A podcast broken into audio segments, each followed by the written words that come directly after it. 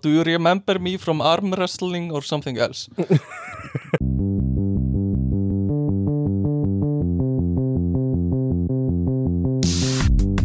Halló er eitthvað að frétta? Já það er ekkert að frétta. Já það er ekkert að frétta. Ekkert að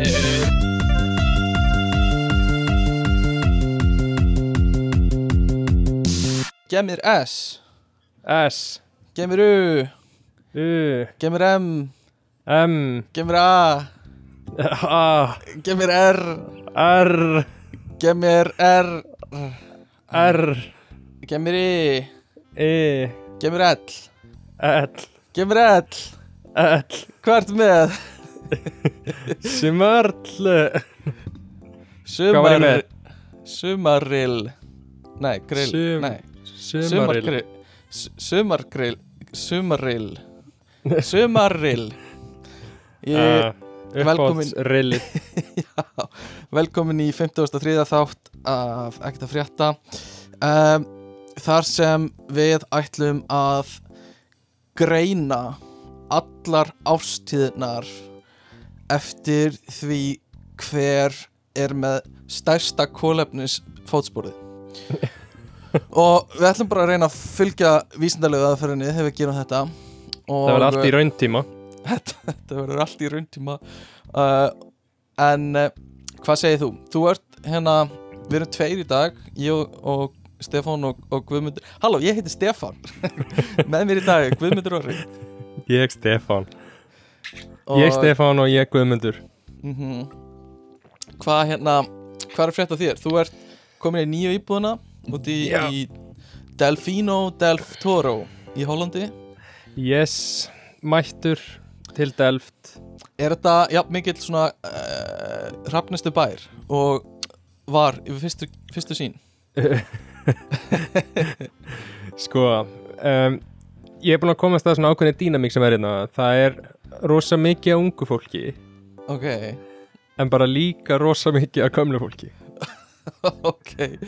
Þannig þannig að meðalaldurinn er kannski að mætast svolítið vel í miðinni En Já. ekkert endilega mikið af þeim aldri.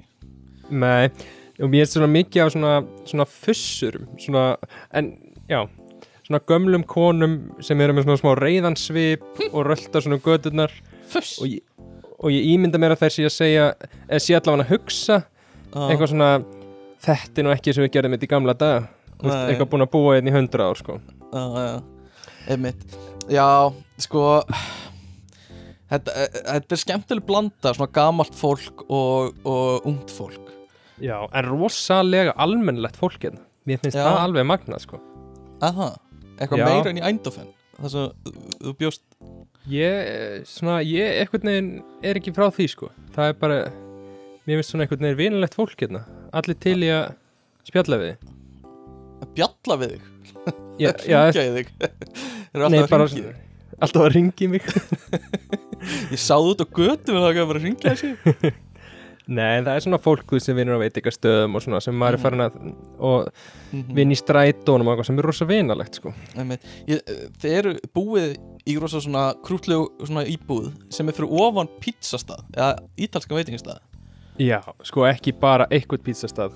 Besta, eða besta ítalska veitingastöðin í Delft sko. Er það alveg hlutlist hlutlist mat? ég, eh, ég dæmdi ekki sko. þetta ég hef heyrt Ok. af okay. öðru fólki Ok þannig að hérna, já við erum búin að fara einu sinni og við erum svona komin á gott nicklevel með þjónana sko. við erum reyna að Mm. vinna okkur upp í afsláttinn sko. Einmitt, einmitt Þetta er svona eins og eh, Ég var á Subway í Eindhoven Það eru þjónarnir á Subway sko sem að fara ég Reyndar þetta- í Eindhoven var fucking lélegt. Það var alltaf, brauðið var alltaf búið. Sem ég skil ekki alveg, þetta er eina sem þú þarft að eiga. Og það var alltaf bara við getum búið þér fajitas. Og það er ekki grín þetta gerist alveg oftar en einu sinni sko. Já. Þetta þetta er svona mjög fyndið. Þetta er svona eins og pizzabotnin á Dominos í búin.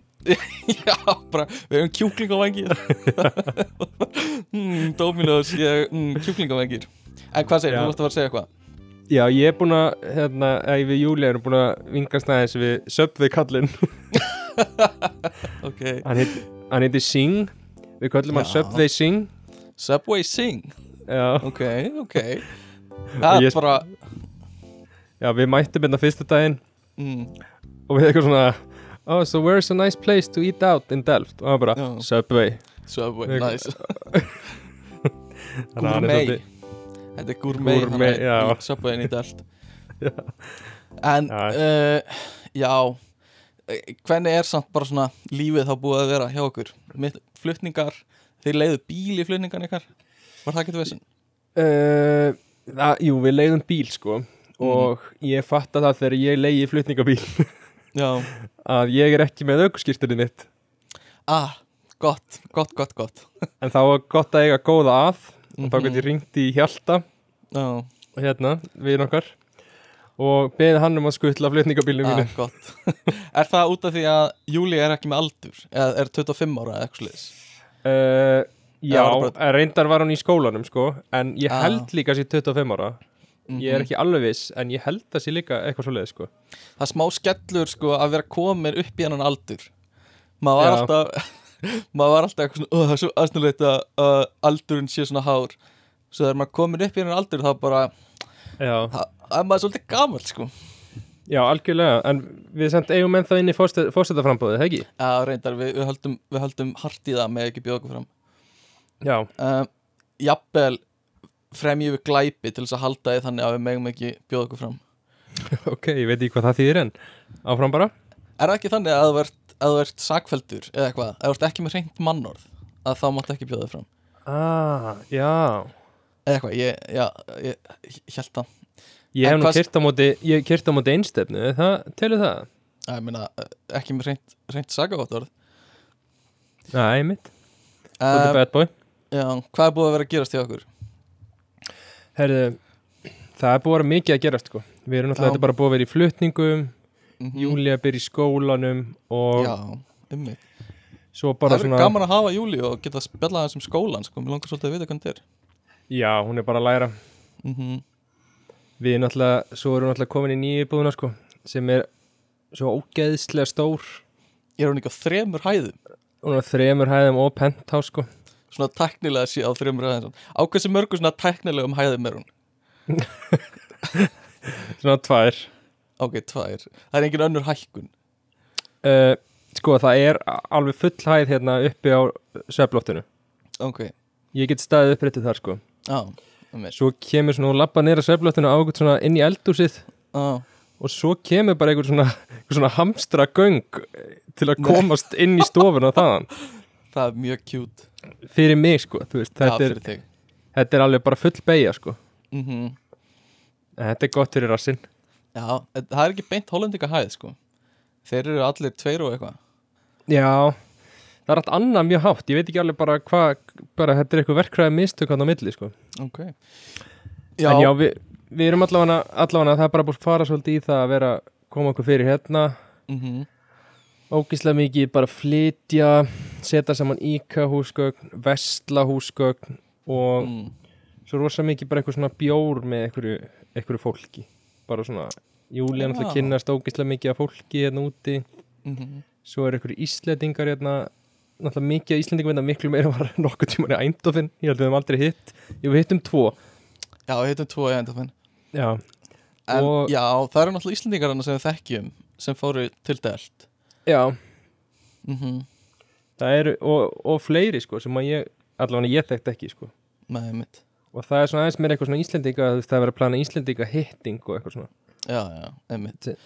Þannig að já, það er skemmtilegt en ég er náttúrulega er bara ekki að vinna og neitt sko þannig að ég mitt líf Kos- hérna hefur svolítið bara verið íka húsgögnin sko. Já, já, það kósi sloppur líka á þeir núna sé ég. Já, að vera mjög þælur Já, en þú varst með einhverju svona Átti ég ekki að draga upp einhverjum hatti eða eitthvað? Hvað viltu tala um já. Ég, já, einmitt sko. Ég var með svona nokkar hluti. Ok, þeir eru mismerkilegir sko. Ok. Um, fyrsta atriði sem ég býð upp á er um, ég þurfti að tengja þvottavél sjálfur. Það er númer eitt. Ok, ok. Númer tvö er erfitt að tala við írskan mann án þess að herma eftir hreimnum á honum. Ok, Það er númer tvö. Ok eignaðist vin í Hema er nummer Já. þrjú. Ok. Hema er sem sagt stutt þegar svo eignast vin í rúmfattalaðinum Jöp Jöp og fjórða er um, skrýtnasta bíómynd ég séð sem við fórum á í bíó í síðustu viku. Mm, Þetta er allt mjög góða valmöguleikar. Ég vil endilega að fólk sendi inn ef það vil heyra einhver sem ég valdi ekki. Uh, Ok. En ég ætla að velja uh, hmm, Mér lágur svolítið að heyra írska mannin söguna uh, En ég veit ekki hvort Það felist eitthvað meira í sér heldur en bara titillinn. Nei, nei, það er þetta góða punktur sko, það er ekkert það fælst ekkert mikið meira í því en ég skal bara segja hana með þú mátt velja síðan einhverja hinum. Ok, gott. En hérna það var semst, ég fór á klósettið á svona brugghúsi hérna. Já, og og hitti þar svona írskan mann. Já og í, þú veist, hefur hitt íra það hefur, þú veist, Ég nefnilega talað við ekki Íra? sko. Ég bara En séð þau bíómyndum sko. Fyrir mér er þetta bara einirningar sko. Ég veit ekki hvort þeir eru til í alvörinu eða ekki sko. einhyrningar en þú veist hvernig svona, þú veist hvernig hreimurinn er mm þannig talar það svo mikið svona I think it is very nice eitthvað svona, uh, uh, þú veist, ég kann ekki Mhm. hermetti Nei, og ég var bara allan tíman að hugsa bara ekki Gera eins og hann. já, að svara honum og vera ekki með sama hreim og hann já, já, um er mjög er- erfitt Já, þetta er alveg vandamál sko. Þegar maður, maður er einhvern veginn svona automatist kannski sérstaklega ef maður er ekki með einhvern svona sterkan hreim sjálfur já, maður bara svona, ok, ég fer bara hart inn í þetta inn í breskan hreim eða bandariskan og svo, ef maður reynir írskan samt maður myndur ekki bara hljóma eins og fáið sko. Líka bara svona þú vilt ekki vera að móðga hann, skilur Nei, nei, nei, einmitt, einmitt. Þannig að ég var svona alltaf að vera bara ég bara ok, ég þarf að fara í einhvern svona brjálaslega yktan amerískan hreim til að passa Já, maður að vera ekki inn á hans personal spaces, sko. Viltu ekki fara að svæða hann sko? Ok, uh, þannig að það gekk hjá þér. Þú móðgar hann ekki. Jó, þú veist, það var allir í glasu og ég held að hann ekki tekið eftir en ég, þetta gekk ekki sko. Ég Ok, bara mjög, mjög skrítin ískar hreim. Bara allan, allan mjög skrítin annan hreim heldur en ég tala venjulega já, ensku með. Ok. En þá, þá skal ég heyra hjá þér söguna um uh, vinðin í, í hema, rúmfattalærinum Já, herðu það var hérna ég sem sagt fer í hema og er að leita að svona verkfæra setti Já, já, já. Og Það er ekkert heimili Það er ekkert heimili full, hérna, orðið heimili fyrir það kominu verkvar að setja það. Nei. Og ég eitthvað svona spyr afgriðslukona eða þú veist, eitthvað sem er að vinna þarna eitthvað Mm. svona, hver eru verkfærsettin og hún bendir mér eitthvað svona hillu hún Mhm. segir bara eitthvað, þetta er allt sem er eftir. Já. Þar hitti ég bara eitthvað svona gaur mm og hann er bara eitthvað, já, varst þú að leita verkfærsettunum Já, og ég eitthvað, já. Þau eru ekki til. Og hann Mm. bara, nei við erum líka að leita. Og svo bara, ég veit ekki alveg hvernig það gerist svo fyrir eitthvað svona báður í síman eitthvað svona að skoða hvort sé á netinu eða eitthvað. Þannig fyrir báður og opnum síman og svo er eitthvað svona, að ég held sér til í aksjón segi ég við ah, hann. og hann eitthvað, að aksjón, hvað er það? Og ég eitthvað, það er hérna. Og þetta verður svona mjög svona mikið smóltólk í gangi. Sem leiðir út í það að, ég, að við fyrir alltaf að tala um hvað ég sé að gera í Delft og hvað Ah, ég vinni við. Og, og, og hérna hann fyrir að segja mér að hann sé data analyst og ég er Nei. að vera data scientist þannig að við erum svona eitthvað eitthvað að tengja þar sko. Vá, geggja og svo segja ég eitthvað svona, já, bara já, komum staði að við búum, þú veist, í næstu götu við hvernig Ok. Og svo segi ég eitthvað svona, já, bara þá sé ég nú örglega eitthvað.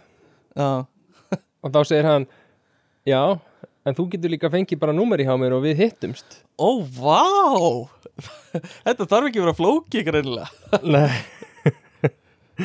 En ég vil taka fram að hann var með kæristinu sinni sko Þannig að ég var ekki Já. að lesa eitthvað Mislesi eitthvað aðstæður og Nei, nei, nei, ok, ok. Þetta er ekki þannig hitt ykkur sko. Það rétti er ekki smokk og eitthvað svoleiðis. Nei, Ok. Ég Það er passaði samt- mikið upp á það. Ég tek ekki við þessum smokk. Uh, Það er samt, það er mjög fyndið að því við vorum að tala um í þætti einhverju þætti, hérna blandi póka þættinu með eitthvað hvernig maður ætti að kynnast fólki þegar maður er orðin veist, fullorðin Já, einmitt. Þú, þa- þú þarft greinilega bara að hanga í rúmfattalærinum fyrir framann verkfærasettin Já, og segja þessi meira- búin. Já. Þú, þú, tæmir, þú tæmir hilluna. Þú kaupir upp allan lagarinn og svo, býður fyrir framar vöruna. Já, þetta þarf ekki að vera flóki greinilega ekki. En hva, er þetta eitthvað sem þú myndir fara í bjór með eða eitthvað leis þú veist, tókst það númer hans Já, já þú veist. Ég, ég, hérna, já, ég tók hérna, ja, hann tók númeri hjá mér sko. Nó, og, Ok. og sendi mér svo skilabóð eitthvað svona hi, nice to meet you in Hema. Það er geggjað. Þannig er hann hollendingur? er hann heimamaður? Nei, hann er sko frá Indlandi Mm. en er búinn að búa í Belgíu í ykkur ár en var núna að flytja til að fara að vinna í Amsterdam. Ok, þannig að hérna, þetta Já, hann- hérna hvað segir hann segir, já, hann segir Wish here, hann heitir Wish ah, ok. Wish here, nice to meet you in Hema. Nice meeting you in Hema. Þannig að þannig að, já þannig að þetta er bara, þetta er ekki flóki ég hugsa ég allavega að hitta hann einu sinni og svo- svona, Mhm. svona sjáum við til. Svo sjáum við til hvort þú vilt commitmentið í þetta. Þetta Já, minn, ég, það er svona smá minnum á uh, ég var bara að skoða Snapchat á þann. Eða skoða, þú veist það setur enginn í story á Snapchat lengur. Uh, en ég sá það var einhver gæi sem sett í story á Snapchat hjá mér sem ég veit ekkert hver er en ég með á Snapchat er útlenskur og mig grunar að ég hafi aðdáð hann á einhverju fyllir í og þú veist eitthvað svona eitthvað svona algjört fyllir í smá og bara, hi guy, have your Snapchat man? Eitthvað svona. Og, og ég get ekki munað nákvæmlega hver þetta er en ég hef bara eitthvað svona væga minninga af því að allt einhverju fyrir mörgum árum. Mér langaði smá svona að senda á hann bara við þurfum að finna út því hvernig við þekkjumst. Af hverju er ég með það á Snapchat? Eða hann En- veit að geðið mikið? Já, bara loksins sendur á mig. Ég er búin að vera býða eftir að hafa samband. Það getur sko- líka verið sko. Já, ég get alveg séð þetta fyrir mér. Þú, þetta er eitthvað sem þú tekið í sjómann eitthvað tímann. Alveg pottið alveg pottið æjæjæj já ég ætla að senda á hann. Do you remember me from arm wrestling or something else hvað hvernig hann svarar. Æ, or maður var- something else. Or something else. Það er að taka til í þessum, þessum tengilegum hjá sér.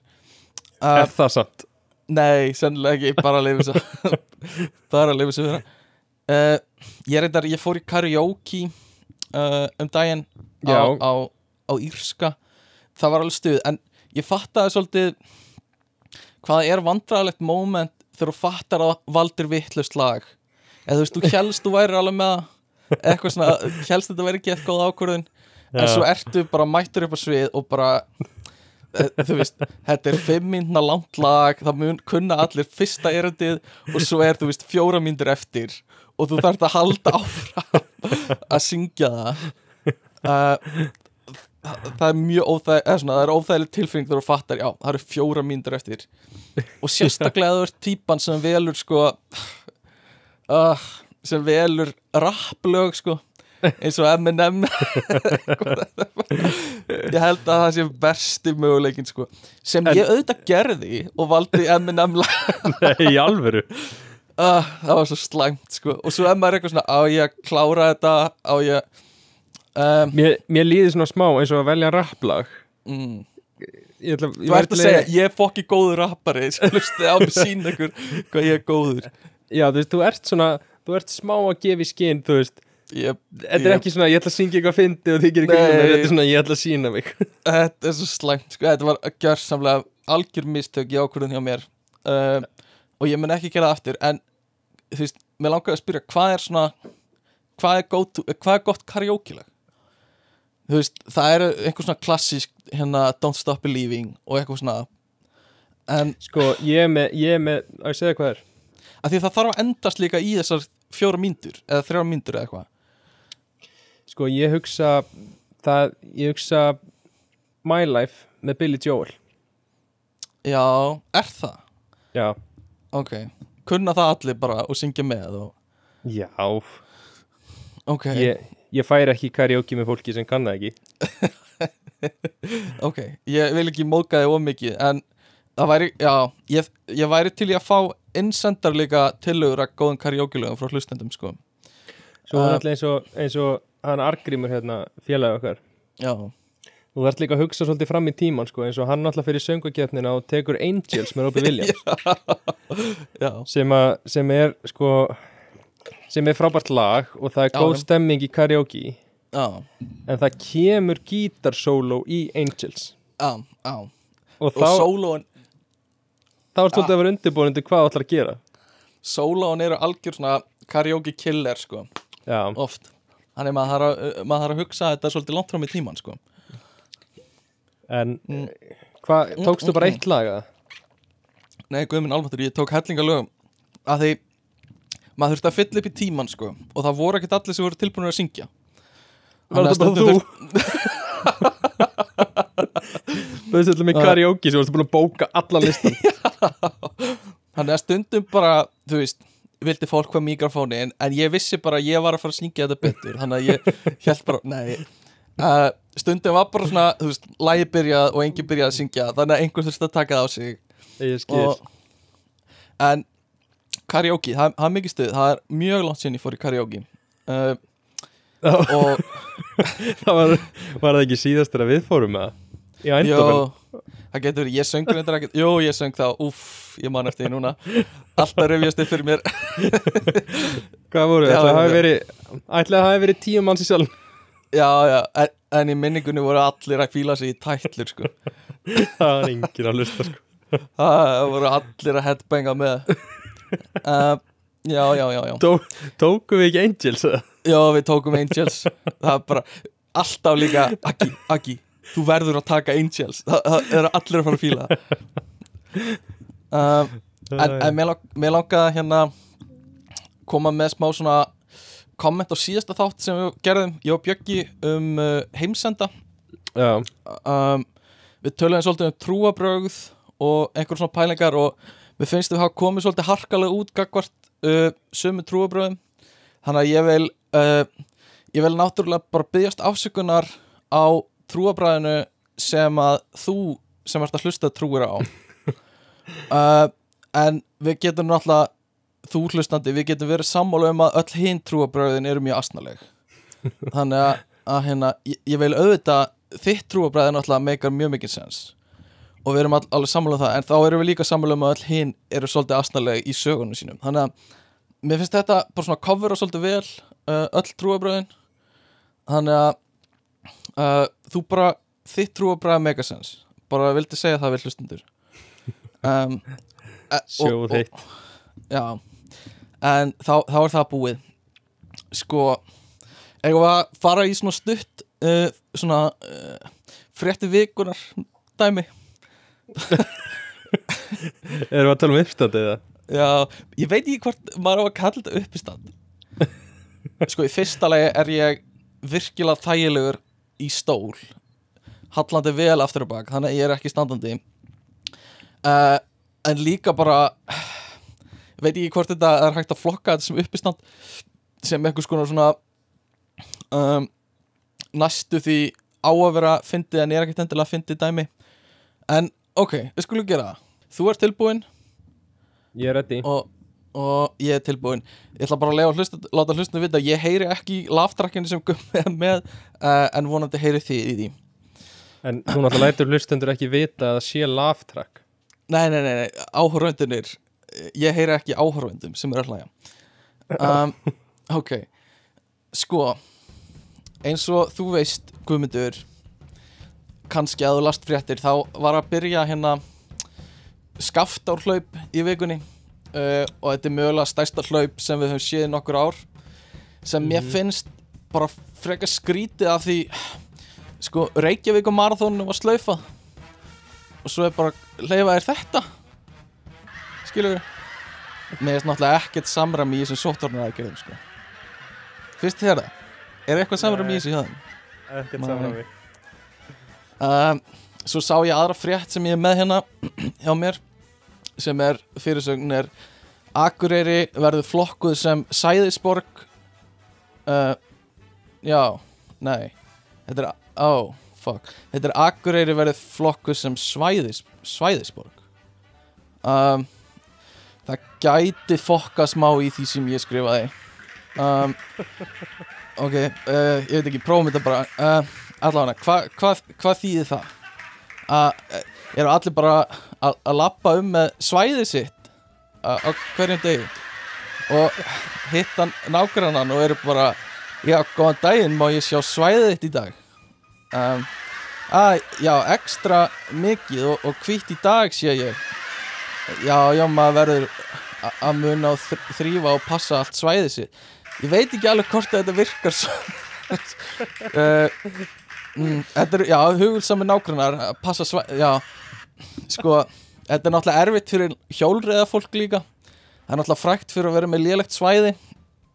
Um, en, en Salan og Ananas hlýtur að, að hafa tekið við sér að það vilja náttúrulega allir að hafa, hafa svæði sitt gott á bræði ég veit ekki hvort þetta gegn uh, og já, svo er síðasta um, verðlaga áfengi á Íslandi er næst hæsta í 30 Evropalöndum samkvæmt uh, samanborðið Hagstofur Evropasambandsins um, áfengi.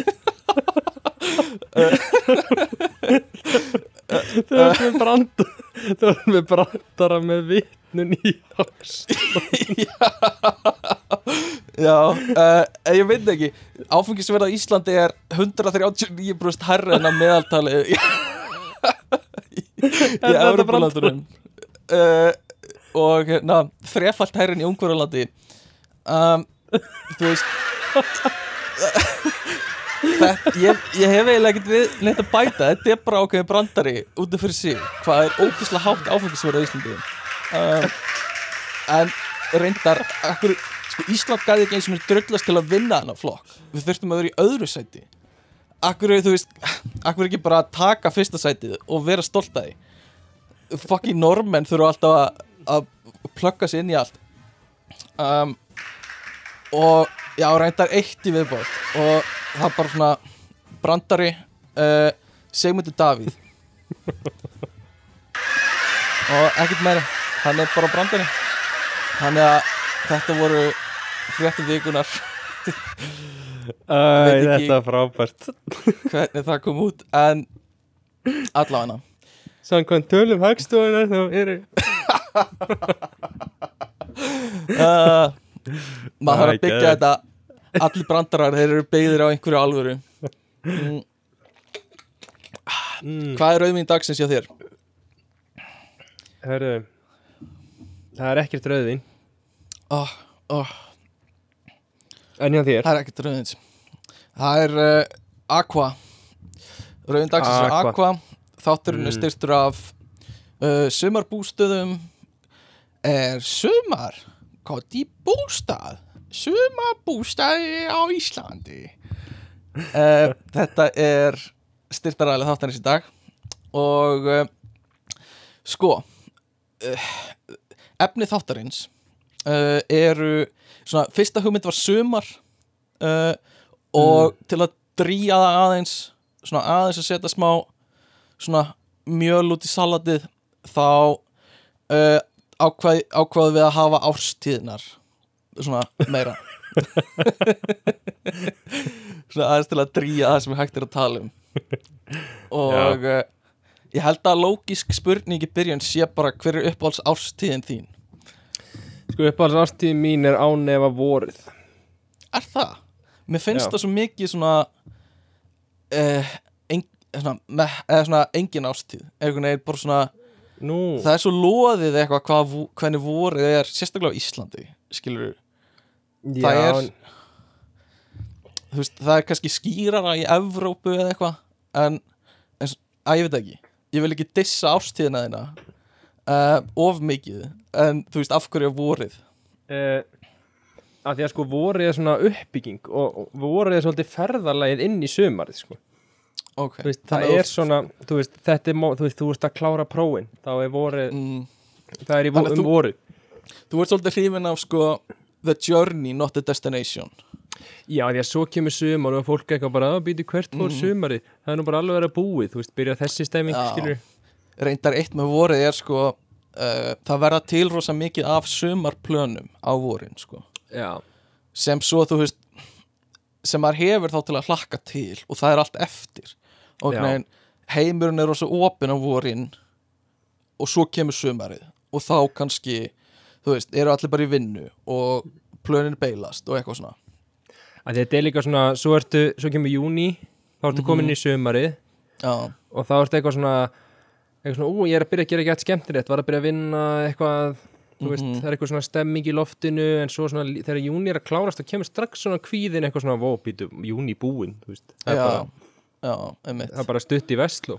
Svo er bara sumari búið.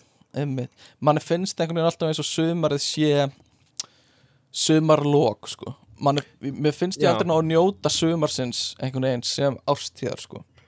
Svo er líka Eh. sko, á Íslandi er frekar vond veður, finnst mér alltaf Já. í júni mér finnst það að komið gott veður í mæ mm, svo kemur svona einhver leðilegt tíðanbili í júni mm og svo kemur júli og byrjar eitthvað að batna einmitt, er og að sjá hverju ári frétt á vísi sem er eitthvað svona met slegið í sólskinnstundum í mæ á Íslandi. Já. Á, á hverju, þetta er rosa svona kunnuleg frétt sko. Og met í rikningadögum í júni einmitt, nema fyrir austan. Já. Það er eitthvað annars þar sem ég er. Já, já, já. Uh, já, sko, vorið, ok.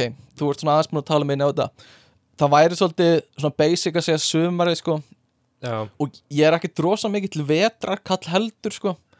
Uh, en haustin svona, ég myndi kannski segja haustið af því það er svo mikið svona upphaf á einhverju. Já veist- ég er enda að tengja við það sko. Af því eins og, eins og við töluðum um í sísta hætti og Bjöggi, þú veist, þá er þá er haustið svolítið svona byrjun á nýja árunu fyrir námsmenn Já. og svona yngra fólk, sko. Ég sammála því sko. Þú veist, það er, það er miklu meira það heldur en, heldur en áramótin. Þannig að uh, haustið er svona, þú, þú kynnist oft nýju fólki ert að koma þér fyrir á nýju stað. Þannig að, og veðrið það er ekkert það slæmt, sko. Það er oft bara svona frekar mildt, sko. Já, uh, þannig að ég myndi alveg geta sagt það, sko. Þú líka byrjar þú veist, er, þegar þú byrjar skólaárið eða eins og ég og þú þá ertu þú ert alveg að byrja að glósa þarna á eitthvað fyrstu vikuna Mhm, og ert svona eitthvað að skrifa í dag mhm. skrifa Ég í að skrifa- dagbókina. ætla að skrifa í morginskinnu á hverjum degi alltaf í skólanum. Skrifa niður allt heimanámi mitt. Það er bara að kaupa úkslega mikið eitthvað svona, svona, svona pennum, já, blöðum. Hvað heita það litlu spjöldin sem allir já, svona uh, já, flasskarts eitthvað. Já, já, flasskarts, einmitt já, já, þetta sko, þe- þetta ár, ég ætla sko ég ætla að vera ógislega duglegur í ár. Ég veit ekki hvað ég á mikið að bunkum af svona flasskarts sem eru búið svona þrjú. Mm, uh, og svo náttúrulega kemur lífið og, og, og tekur við skilur við já, já, já, uh, en þetta er byrjunin á lífinu þannig að ég er svolítið svona haust, haustkall sko. já. uh, hvað er samt svona það fyrsta sem þetta er í hug ef við tökum þetta bara kategoríst ok. Uh, sumarið. Hvað er svona, hvað er sumarið? Sumarið er, sko, mér finnst í fyrsta lagi eitthvað Mm. sem við upplýðum ekki sumar sem að mér fannst svona skemma sumarið fyrir mér. Já, og það er smá svona kæruleysi. Já, Mér já, finnst já. þegar þú ert eitthvað búin að vera í skóla og það er svona eitthvað að þú eitthvað að pæla í lífinuðinu Mm svo ferð að vinna eitthvað staðar og þú ert bara eitthvað svona, að ég er bara í sumavinnu já, ég, bara, ég mæti bara á daginn og ég get alveg verið þunnur og, og, og þetta er líka, þetta er ekki, þú veist starfsferillin minn. Einhvern veginn, þetta er meira bara svona þetta er það sem tekur við til að brúa bilað á milli, þú veist, já. skóla. Og Einmitt. einhvern, einhvern veginn svona alltaf viðeigandi að plana gott grill og ískaldan bjór. Mm -hmm, klálega uh, en talaðu um það Ísland er svo fokkt með þetta að, að vinna alltaf á sumrin Já. þú veist, að taka bara að, uh, að taka bara, þú veist byrja 5. mæ bara ég klára prófin 4. mæ mm -hmm. ætlar að taka einhver tíma og, og slaka nei, ég byrja að vinna 5. mæ Já. og svo ertu bara að vinna, þú veist þanga til bara helgina áður en skólaði byrjar En það líka Og- bara Já, þú veist, þetta er ekkert svona í eins og, eins og allir vita, þetta er ekkert svona í Evrópu eða annar staðar, alltaf nei líka bara, þú veist ef þú átt, skilur kannski 100 ás kall í Evrópu, þá getur bara að lifa eins og kongur í sumafríinu keift bjóru eitthvað, en ég meina bara, ef þú ætla bara að fara á þjóðhátti þá er það bara 100 Já, ás kall. Þó ætla að vera í tjaldi, sko. Nei, klálega sko. Þannig að uh, ég, þú veist, ég veit ekki hvort það er hægt að gera þetta öðruvísi en þú veist eins og við vitum þá er Ísland með sko annað hæsta áfengisverð í evróska efnahagssambandinu Og hundra- hagstofu Evrópu. Og 190, nei, 139% herra heldur en meðagilgið nei en þú veist það gæti spilað inn í hvað maður þarf pening. Uh, ég veit ekki, en svo er þetta líka bara menningin sko. Þetta er En- bara, þú ert haugur ef þú ert ekki með neitt fyrir stafni. En við erum líka með alveg hauga sumafrí sko. Eh, hvað meður Þú veist, í Evrópu þá er líka bara krakkar eru bara í sumafrí í mánuð sko. Já, já, reyndar, við erum með þrjá mánuði sko. Já. Það er þetta, þetta klassíska söðburður uh, söðburður uh, heiskapur, sumafröng eins og við segjum. Já, Þannig að, já, já, það meikar alveg sens. Sko, það sem mér finnst líka að vera ok, eins og gefur að skilja sumar á Íslandi er byrta já. Það er ljós alltaf. Og Það, það er svolítið stemming Það er svolítið, svona, Já. það er svolítið góð íslensk stemming veist, Íslensk sumur er alveg geggjuð Mhm. Mér finnst það persónulega en svo þekki ég fólk eins og Kristjana hattar þetta sko, kærasta mín hún Nú. bara, sérstaklega bara því uh, það er bjart á kvöldin og Já. þú veist og hérna, þú veist, það er svo rosa erfitt að loka alla byrtu úti sko uh, þannig að hún er ekki hrifin að þessu en þetta er mjög, það mjög næs og ég get sofið í smá byrtu sko, sjálfur En það er, þú færðir annars bara alveg myrkrakardinu sko Já, uh, þú veist manna að segja þetta við hana en uh, þú veist, mér finnst þetta mjög næ sko. og mér finnst gaman líka tengt þessu er, eru roadtrip sem er bara mikið sumar en líka roadtrip og svona ferðalag á nætuna sko. þú veist, þegar Já. þú ferði í miðnætugöngu eða eitthvað Já, ég fór einhvern tímann í miðnætugöngu á Gleim í, Mm. í Kvalfyrði og á sumarsólstöðum það var geðveikt sko. Bara já, lappa upp á fossin, það er alveg bjart og klukkan er 12 á miðnætti og með góðum vinum og eitthvað svona bara geggja lík, sko. Já, líka margir að stunda að fara í miðnættur golf. Já, ég get alveg séð að það er næs ef maður er, er golfari sko. Eða frisbee golf já, frisbeegolf, bara svona alls konar activity uh, Við erum alltaf, við erum alveg miklir frissfólfarar sko. Frissfólfarar. Já, við erum frissfólfarar, það er alveg rétt. Og hérna, já, sett mér að segja, klappa sjálf mér á baki þannig að, og það er stuð sko, og hérna rosa mikið svona uh, finnst mér vera tengt útivist á sumrin eins og Já. þessi activity útilegur og gönguferðir og eitthvað svona uh, svona mikið eitthvað sem að tengi við uh, sumarið og mér finnst það allt einhvern veginn svona kristallast í næsheitum að það er bjart og maður getur verið úti á nætuna og þú veist, er ekki uh, já, er ekki orðið dimmt og kalt og eitthvað svona Það er líka bara geðveitt að koma heima einhverju djammi svona á Mhm. venjulegu, í venjulegu árferði og koma Mhm. heim klukkan fjögur og það er ennþá bjart eða, já, já, einmitt, það er geggjað. Svona sumartjammið sko. Já, Ma, já, maður hefur nú eins og eftir hérna uh, útskriftar ballið okkar, júbilantaballið já, uh, og vera bara úti til sjö skilur já og geðveitt bara bjart og já, það er algjör snild. Það er svona ákveðið væp sem myndast um hásumar í bænum líka já, já, það er eitthvað svona bara, fólk þjappast út á miðjan laugavegin og er bara að hanga þar sko. Og hérna, þú veist, þarf ekki að drífa sig inn. Ok, hversu skrítin er þessi stemning hjá uh, mér langar að segja kannski stelpum frekar að vera ógæðslega fáklættar um hávetur á tjáminu já. bara svona á háhæglegum skóm í snjóslappi og svo bara í kjól og ert að lappa frá prikinu og B5 eða eitthvað slags Sko, ég held að þetta er líka bara, það er eitthvað svona menning á Íslandi á djamminu að Mm. fólk er miklu meira svona fínt klætt. Já, já, já. Þú veist, bara hérna út, hérna út í Hollandi þú veist, Já. á Íslandi geti maður alltaf farið þú veist, í jakkavattajakk og hvítri skýrtu skilur, Mhm, mhm, þú væri ekkert eitthvað þú væri bara eins og margir aðrir í bænum. Mhm. hérna út í Hollandi bara, þú veist þú, þú væri bara skrítin eða þú já, veist, bara, það er bara stuttur um búlar að galabuksu sko. já, um það er alveg klálega sko. uh, reyndar eitt sem ég er ekki mjög hrifin af við sumarið sérstaklega ef ég er í útlöndum er Já. ógeðslega mikill hiti já, uh, og eins og við vorum í Króatíu mm og bara, þú veist, á svona semi-heitasta tímabilinu þar þú veist, þá þurfti maður bara að vera inni frá, þú veist, 11 til 3 eða eitthvað svo leiðis já, emitt og þú veist, það er fátt sem ég finnst verra heldur en svona steikjandi hiti og ég er nýkomin úr sturtu og það er með þess að heitin í íbúðinni og ég verð strax aftur sveittur. Já, þú veist, ég verð, Ég- ég verð aftur sveittur þó ég sé hann á Íslandi. Bara við að bara þurrka þér já, bara við að þurrka mér. Það verður fucking brjálað út í, í heitum löndum, sko já, mér finnst allt í lagi sko hittin svona á daginn ef ég er bara eitthvað afslappaður já, uh, en ég þvól ekki að fara að sofa og vera of heitt. Mhm, mhm. Það er alveg glata. Hvernig var þetta þegar við vorum út í Budapest á, á Sigget tónlistarháttíðin og þið voruð í íbúð sem var ekki með loftarstingu viðbjóðslega heitt. Já, Hvernig var bara, hvernig leiðir þar inni? sko við vorum með svona litla viftu og við sváum með hana upp í rúminu hjá okkur það þurft að vera gott. bara í andlitina á okkur sko. Já, einmitt Hvar, hvar var viftan? Bara á millikar?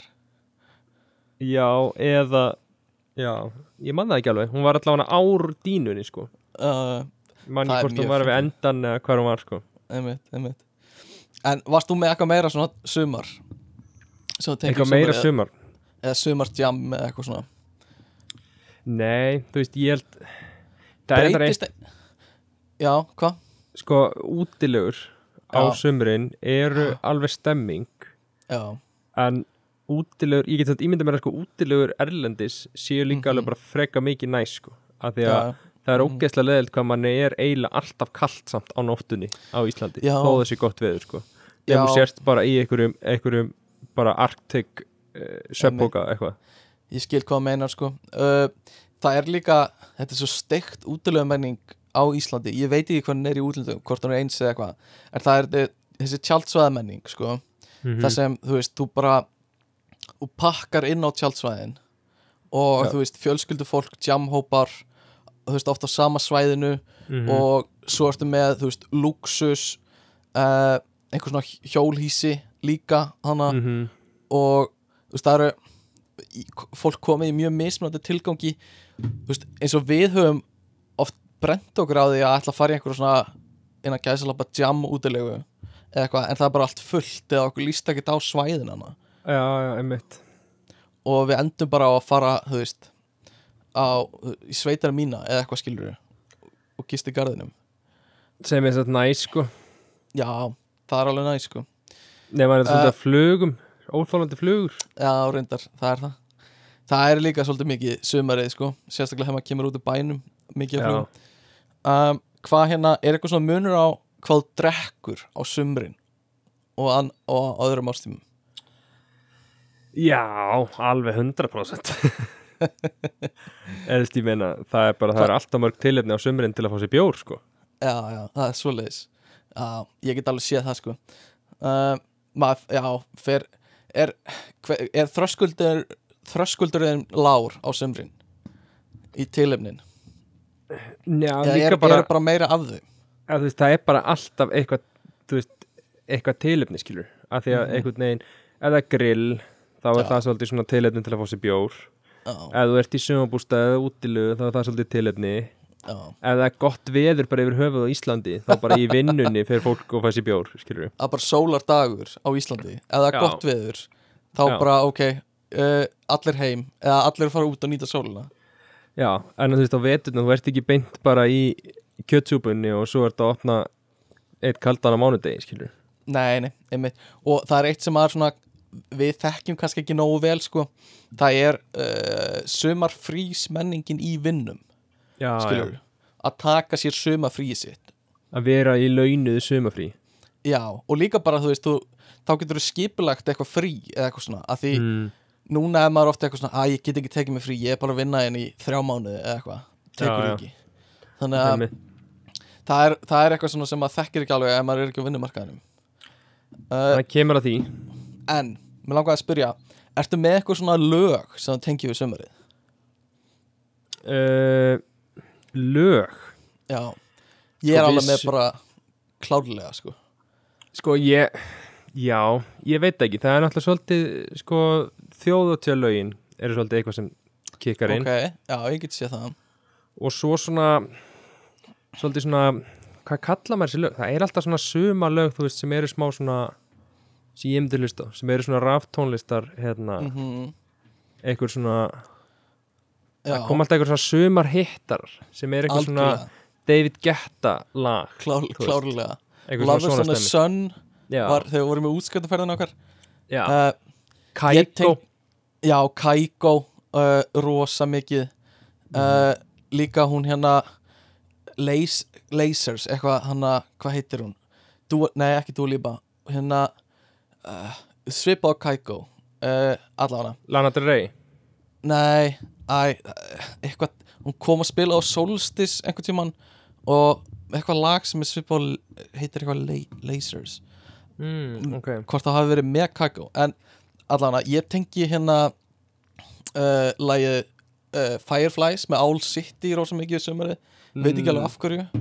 Og hérna að því að þú basically sérð svona drega flugur í kringu þú hlustar á þetta já, og uh, uh, svo líka uh, ég veit ekki hvort það þekkir þetta lag en það er hérna Call Me Maybe með söngunum sem heitir Carly Ríu Jepsen. Jepsen, já, já, Já. Shit, það var svo mikið fyrsta sumur okkar í mentaskóla. Ég bara, þetta er bara alltaf því heyrða lag, þá tengi ég að við sumar það sumar sko. Og Líka, við hittumst þarna og ég sagði eitthvað hey, I just met you. Já, ymmit og, og svo sagðir eitthvað svona this is crazy eða eitthvað, ég man rosalega vel þegar þú sagðir þetta sko. Já, einmitt og hérna, ég sagði here's my number já og, og svo varstu eitthvað svona yftir eitthvað öxlum og eitthvað svona uh, call me maybe eitthvað þetta er bara að- greiftin í hausin á mér þegar þú sagðir þetta við mig sko Kýsla að finna þetta orðið lag svo. Já, mjög fyndið uh, Þannig að ég tengi það rosa mikið Call Me Maybe við, við sumari sko. mm. um, Svo er ég með sko Samt svona eins og þú hefur ekki átt sumar bara frá svona 2010 Nei, ándjóks Ekki neitt sko. Uh, Ég mun ekki eiga gott sumar fyrir en Kylie uh, gefur út Call Me Maybe 2 Kylie, ég, já, Carly. Kylie Ray Jepsen. Kylie Kylie Jenner. Um, við, við kallum hana CRJ samt sko. Já, CRJ Sko, svo eru einhver svona hlutir eins og hérna uh, fá sér tan finnst þið næst að það er tan tana? Mér lýsir svo- mér lýsir eins og þú svona kunnir ekki að segja þetta. Fá þér tan. Finnst þið gott að hérna þegar þú færðir uh, tan? Þú þetta að reyna, reyna að vera cool með ungu krökkunum. Er ekki allir á, eh, ta, með tanni tan, á tanninu? Er ekki allir á tanninu krakkar? En já, nei Ég, nei Þú veist, jú, ég minnst alltaf lægi að verða bara útskýrur en En, tengjur við að fara að tana út í sólina? Bara uh, le leggjast niður á tana? Nei, ég tengi við að vera út í sólinni En ég hef ekki alveg henni í að liggja bara sko. Nei, ég er eiginlega sammálaði sko. Rosa margir samt fíla, þetta fara bara út í sólina á teppi með góða bók og eitthvað svona. Ég get til dæmis ekki svoleiðis utanlandsferði sko. Nei, einmitt. En, en ströndin. Hvað stendur um með ströndina? Sko, mér finnst ógeðslega gaman að fara í sjóin Já, já, já Einmitt. En, en mér finnst þessu Þannig ég tengi ekki við þegar fólk vil fara á ströndina En ætlar, e, nennir ekki sjóin Nenni ekki sjó, ég bara skildi Hvað er að ykkur? Þið- eru alveg til þess að fara í sjóin Þið eru ekki alveg til að fara á strönd Mér líður eins og ég sé svona eins og ég sé að reyna að fá fólk með mér í rennibrautina í sundlu já, já, já, já. Þetta er líka eitthvað svona Ekki bleita mér hárið sko í sundi. Bara, þú ert, að, þú ert í sund bleitað, ha? Ekki bleitað þér hárið? Þannig að ekki fara í sjóin akkur ekki? Þannig að ég tengi ég rosa mikið við það. Fara í sjóin, ég er ekki mikið strandargæði Ég held að svona, að svona 90% af fólki sem hlustar á þetta sem að er ekki að sjómein í lífinu sko. Nei, sannilega ekki, það er líka bara mikið heimsku fólki hann úti en sko þegar maður fer á svona túristastrendur þá eru það líka oft bara ógislega sko. bara fullt af síkaretu stubbum og drastli og eitthvað svona Já, og hvort ertu meira svona sand eða steina strandamæður sko það er rosa næs að fara á steinaströnd sko. já, er það að, ekki? að, því því að það er eitthvað ágislega mikið vesen að fara og skóla lappirnar og eitthvað svona mm -hmm. dót, ég er sammála því sko en ég er eiginlega sammála því. Þannig að ég er alveg og þú veist, hann klæði ekki eitthvað út í sandi og eitthvað. Mm þannig að ég mæli með steinunum sko. svo býst ég við sko í útlöndum þá er, þá er sumar oft notar fyrir svona að fá sér ís og eitthvað svoleiðis. Mm. Íslendingar bara segja bara fuck that shit og fá sér ís hvenar sem er. Já, já, bara því kaldara því betra að fá sér ís sko já, á Íslandi. Um, þannig að það er kannski ekki eitthvað sem fólk er að tengja við á Íslandi sko. En ef við, ef við hugsum um haustið já, eins og er að gerast svolítið mikið núna. Já. byrjun september haust er að færast yfir. Maður tengir það svo mikið við þetta nýja uppa sem við vorum að tala um. Mm byrja í skólanum, hvað er, svona, hvað er haustið fyrir þér? Ég sko í rauninni bara nákvæmlega sem þú nefndir var það sem ég hugsaði Já. sjálfur. Það er bara þetta einhvern veginn, þetta nýtt upphaf það er Mhm. alltaf, og það er eitthvað svona smá næs. Þetta, er svona eins og sumari sé eh, svona, þetta er svona eins og mánudagurinn eftir svolítið svona mikla, Mm þú veist, er svona að vera að djamma tvo dag yfir helgi mm, eða kannski búin að vera ykkur miklum félagslegum hérna, aðstæðum Mhm. yfir helgina þá er mánudagur stundum bara svona kærkomin Já, þetta er svolítið uh, mánudagur ársins er Já. haustið sko sem, Sem- sem margir myndu ekki fíla af því það eru margir sem elska ekki mánudaga. En það þýðir bara uh, lagaði lífið þitt og gerðu mánudaga að besta tímanum. Já, og gerðu föstu dag eins leðilega og getur. Já, fokk föstudagur. Já, Það er, já, klálega um, Svo náttúrulega Þetta er autumn á, á bresku En bandarækjumenn eru með fall sem Já. er sem er svolítið svona stúpid útgáfa af autumn. Bara laufin að falla laufin dætta niður að fall uh, sem er brandara sem hefur verið sagður áður. En uh, sem ég fannst mjög fyndin. En komst að því að fall var notað á Englandi áður en það var notað í bandaríkjunum. Þannig að þeir sem hafa hleyjað þessum brandara þurfa virkilega að horfa í sinn barm og bara aldrei hlæða honum Iðrast. aftur aldrei hlæja hann um aftur. Þetta kemur upplega frá Breitlandi um, en eitt sem ég tengi við haustið er að týna ber og við gerðum þetta rosalega mikið upp í sveit hjá og afa. Já. um, fara út að týna ber og eins og eh, einhver frægur maður sagði á Twitter í vikunni þá er berjatýnsla uh, svolítið mikið svona veiðiferð veganistans. Já, ég veit ekki. Ég, ég hef ekki alveg tengt við þetta berjadæmi sko.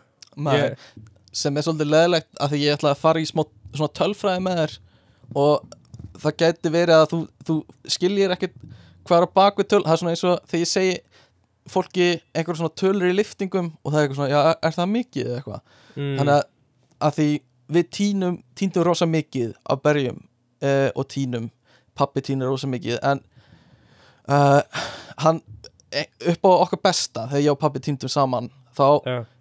Týndum við sko uh, sennilega 200 lítra af berjum. Oh my god. Og bara svona fyllt um fullt af drasli. Þetta er takk góð viðbröð ég þakka þessi viðbröð uh, með góðum berjatínum. Þá oft var maður sko með tvíleipi sko. Eina berjatíni í hverju hendi sko. Og, og hérna krækibur og bláber. Og En er- stundum fór, fór maður í rauðu berinn sko. Hvað segir ertu ert, ert, ert bara að sulta þetta svo?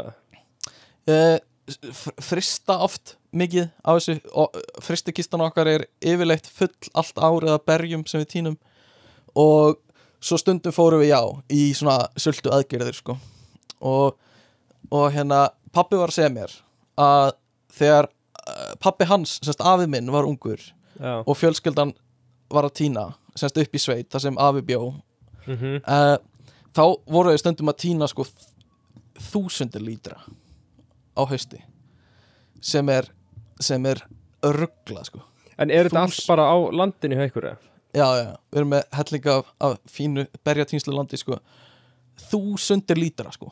hátt í, þú veist 2000 lítra eða, eða meira sem er fucking Kottum með góð viðbröð á þetta Þú voru, Oh my god já, takk Þúsundir Þannig að, að hérna Nei, sko Stefán, það er ógeðslega mikið. Ógeðslega mikið, takk, takk. Þetta er, það sem ég bú, vildi.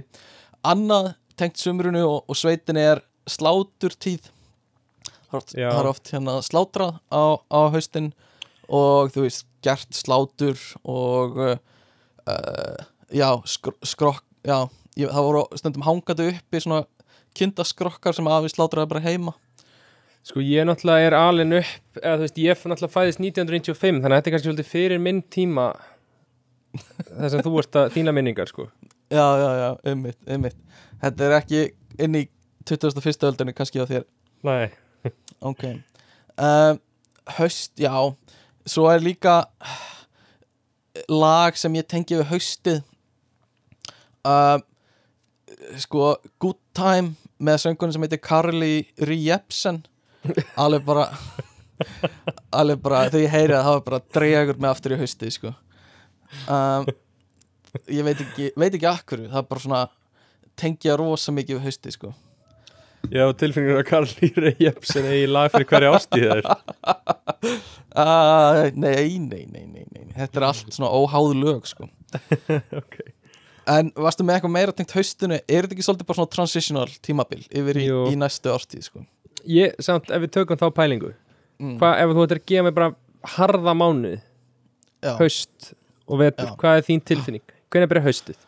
uh, Þegar skóla byrjar, alveg klálega Bara september, uh, Bara uh, loka ágúst september Já, mér finnst það eiginlega bara fara eftir í, þú veist, í hvað námi ég er og hvernig skólinn byrjar Já, ég skilði bara bókstaflega fyrsta skóladaginn fyrst mér haustið vera komið sko.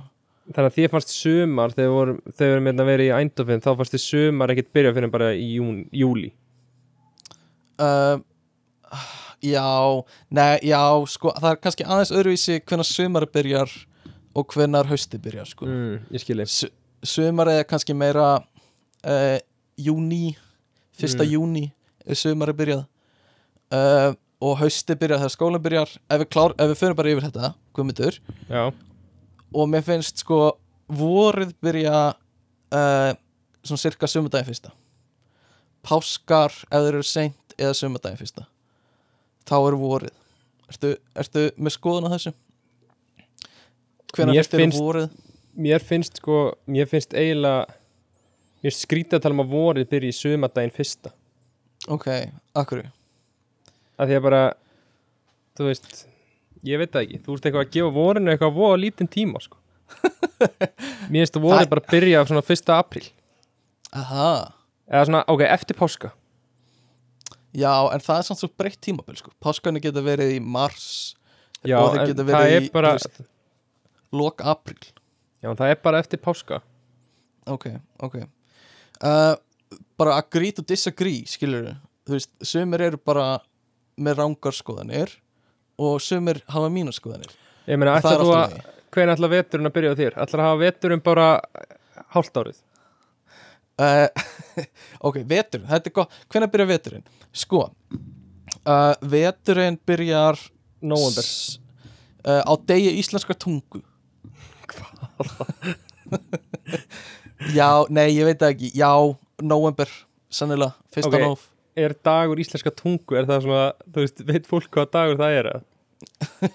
Ok, ég gæti lúka mjög stúpid hérna En ég ætla að segja að sé 16. november uh, Og svo ætla ég að googla það núna Dagur íslenskar tungu Er uh, 16. november Fucking A Þannig að, mm, þú varst náttúrulega aldrei búin að googla þetta áður nei, nei, nei, Ég var aldrei búin að googla þetta Kemur í fyrsta suggestinni hjá mér Alltaf ok, en að svona 10. november þá ert þú bara eitthvað ég hefa svo mikið haust úti Samt undarfærin ár Finnst mér hausti hafa verið frekar mild sko. mm, Og þannig að bara ná svolítið langt inn hann er ekki ammál á haustin Ú, mm, Aggi og Amali 4. november Þannig að, já, ég myndi segja það Haustin, hann er hauststrák Hann er hauststráku Halló stráku minn, þú ert höst stráku Ok Áhvert Ég myndi alveg segja, hvernig myndið þú segja að- að að vo- veturinn byrji? Bara uh, þegar oktober er búinn. Ok, ok, þegar oktober er búinn. Já. Sem sagt, fyrsta nóvember. Já Eða svona það, er, Já. Það er svona freka svipað það sem ég var að segja. Svona 31. átt. Já, ok, na, 31. átt. Allt Já. ekki það uh, En vetur, hvað svona tengjur við veturinn? Uh, ég tengi rosa mikla svona Þetta er rútínu tímabil. Þú veist, Þetta er bara það sem rútínaðin er? Ég tengi svona skamdeis, þunglindi, slittu, bílaumferð og myrkur Ah. einhvern veginn. allt dásamlegt uh, s- sýnist mér eða hljómar í eirum mínum. Já, slitta um, það er svona það er náttúrulega þetta, jólin er þannig til að brjóta þetta upp. Já, og það er það halda mann svolítið gangandi sko svona jólin sko það er þetta sko það er þetta hágildi sko þegar þú kemur inn í veturinn þá svona býður eftir jólunum og þegar jólun eru búin þá býður eftir sömrunu já, mér finnst, já, ég er enda góða punktur sko. Mér finnst líka Mhm. áramótin alltaf svona að jólin er einhver svona, þau, þau eru smá lágpunktur þó þau séu hápunktur. okay. Að þú ert, að, að því að sko það er einhvern veginn mesta myrkrið, mm mesta slæma veðrið -hmm. og þú eitthvað svona dettur úr rútinniðinni byrjar bara Einmitt. eitthvað að borða ókslega mikið og snúa við sólarhingnum og allt fyrir emitt, emitt svo kemur svona gamlarskvöld og þú eitthvað, æ, ég tek eitt jam. Svo vaknar einhvern veginn eftir það og ert eitthvað svona já, já, það er bara nýtt ár. Mm, emitt, emitt, emitt já, uh, sko ég tengi gammalskvöld aldrei við jam. Nei, af því það var aldrei drukkið í, í fjölskyldubúðunum mínum sko. Uh, og eftir svona að ég var eldri þá hittast oft vinir svona eftir miðnætti. Já, og þá er bara of seint að byrja einhvern veginn, finnst mér. Já. Þannig að það hefur aldrei verið mikið jam fyrir mér sko. En, en ég, sk- ok, ég skil það alveg. Þetta er náttúrulega líka frækt fyrir að vera svona kvöldu vombriðana hjá fólki oft. Já, nefnilega, fólk setur alltaf á að væntingar sko það er einhvern veginn eins og sért bara að fara í eitthvað Project X party bara eftir Já. allt jammið með fjölskyldinni sko. Emitt, emitt, emitt ég held að fólk hægt að fókusera á freka bara að njóta bara með fjölskyldinni mm þeirri stemmingu sem er þar og við erum ekki að vesenast við þetta eins og farin í bæ eða eitthvað alveg vonlust vonlust sko. Þannig að það er kannski, þetta getur verið skemmtilegt og bara jam ef að um, það er kannski smá svona uh, stemning í fjölskyldubúðinu sko. Já, en það, veist, það var alltaf mjög gaman hjá mér en það var aldrei eitthvað svona jam stemning sko. Já, uh, en svona góða, eða svona veturinn þú ert nú skíðakall. Já, finnst þér það næs? það er svona vetrar activity já það hefur bara ekkert verið samt ég ég, vei, ég veit það ekki sko. Ég, þú veist, mér erst gaman á skíðum. Mm en ég hef ekkert mikið nefnt að fara á skíði á Íslandi á veturna sko Nei, ég held svona ef ég ætti efnaði að vera að fara í skíðaferðir og svona þá myndi ég, þá held ég að það væri svolítið mitt game sko. Mhm, mhm. en svona eitthvað að vera, vera eitthvað þú veist, þú ert í skólanum og svo eitthvað er að koma laugadagur og það er opið þessa helgi núna Mm, að fara þá að eða öllum deginum í bláfullum ég er svona, hef ekki alveg komist inn í þessa stemmingu sko. Nei, einmitt. Um, en, en þessi sko uh, en svona s- vetra klæðnaðurinn Ertu úlpukall? Já. Algjörlega, Paddington Úlpan Paddington úlpan Fólk er að tala um sko að fíli þetta svona uh, layera system sko. Já, að geta hlaðið á sig layerum já, um, Ég er ekki alveg þar af því ég svitna svo mikið bara í sama hver ég er sko. Já. Um, og ég er ekki alveg náða fullkomna þetta kerfi sko Já, mér finnst það samt, ég, mér finnst það mjög næ sko, mér finnst mjög erfitt þetta í Holland eða einhvern veginn eiga alltaf þessa jakka og einhverja svona þykkar Mhm. skýrtur og einhverja svona þú veist, rullukrafa peysur og eitthvað og svo bara get ég ekki verið í neinu nema bara, Nei, þú veist, einhverjum ból eða eitthvað. Einmitt. og árstíðanar úti í Hollandi eru náttúrulega allt öðruvís en á Íslandi. Þú veist, það fer kannski einu sinni undir frostmark á vetri í Já, Hollandi. En samt alltaf svona kannski í langan tíma, í nokkra mánuði er bara við frostmark, skilur, það eru tvær Mhm. gráður eða eitthvað sem er svona smá óþólandi hitti af því þú veist þú þarft að klæða þig þokkalega vel Já, og svo kannski orðið heitara þegar þú lappar heim úr skólanum einmitt, og þá svitnar ógeðslega mikið í fötunuðinum og svona þetta tímabil það sem hitast í er ekki það sama einhvern veginn heitt um morgunin og heitt um daginn mhm. eða þú veist kalt um morgunin og kalt um daginn þegar það er svona sveiflur í þessu það gjör samlega fer með mig sko. Ég er bara, Það gjör samlega fer með þig. Ég er svo lélegur í þannig, þannig tímabili sko. En þú voru bara leira og fara svo úr, Stefán. Já máli er, ég þarf bara þá að vera í hlýraból innst og svo stuttur maður ból og svo, þú veist, rúlukraga og svo úlpu og Nei, það er þarf Þú varst að unrafela áður og þú byrjar að svitna. Mm, já, já, Það þýr ekki bara að vera í úlpu og svo ertu hún sveittur og þá fyrir að klæða úr og þá viltu bara fara öllu. Nei, kannski, kannski. Það er satt. Og ef maður er aðeins að segja þá er sko stuttur maður bólurinn orðin rennandi. Og þá vill maður ekki og þá vill maður ekki fara úr peysunni af því að þá sjá allir hvað hann er rennandi og þá, þá versnar vítarhingurinn og þú verður ennþá allana Þú voru með auka ból með þér bara Já, ég þarf að læra betur einu á þetta sko. Um, Vetur, fólk er að sko tala um að það hætti svona að hugsa um matræði sitt að einhverju ráði. Á Um, veturnar? Er það sem ekki líka svona nýtt upp af þar? Jú, ég, get, ég myndi alveg segja það sko. Uh, Ég sá fyrir mér að byrja í rektinu nefnilega núna, sko, núna. Já, ertu búin að finna rækt? Já, ég er búin að finna crossfit í þannig að meta, meta Mm. þess- ég þarf að fara í- yfir fjármálin? Já, farið við fjármálin, það skiptir máli.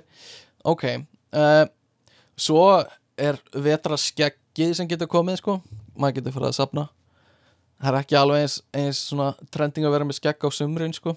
Pítur, þú ert nú þú ert nú með helviti gott skegg núna og það er nú ekki fengið að fljúa í sumar. Sko, sko, sko Ég er með masters skeggi mitt.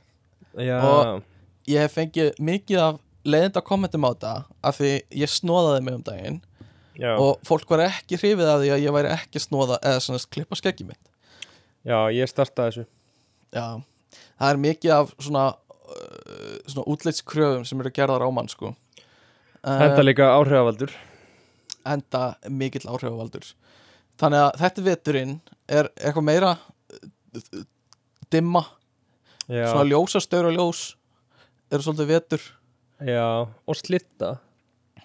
Slitta. Uh, já, slitta, þú ert mikill slittu maður. Já, svona snjóar og þú ert eitthvað að geðvett snjóar af því það er svo romantíst mm svo rignir um nóttina þannig að þetta er Mhm. þetta er slitta. Og það er ekkert Já. gaman við slittu. Nei, það er rétt sko. Svo er, þú veist Já, maður gæti talað náttúrulega fullt um jólin en það er bara sér út af fyrir sig umræðefni sem ég nenni ekki alveg að fara út í sko. Við náttúrulega tökum Uh, bara, tökum almennilegan jóla þátt þegar ég kem heim. Já, það verður um gaman. jólin. Það verður gaman. Og sko jólin og hérna náttúrulega fullt af lögum tengdu jólunum sem að tengi við veturinn skilur við um, sem, sem að tengi kannski meira við, við jólin bara frekar en veturinn.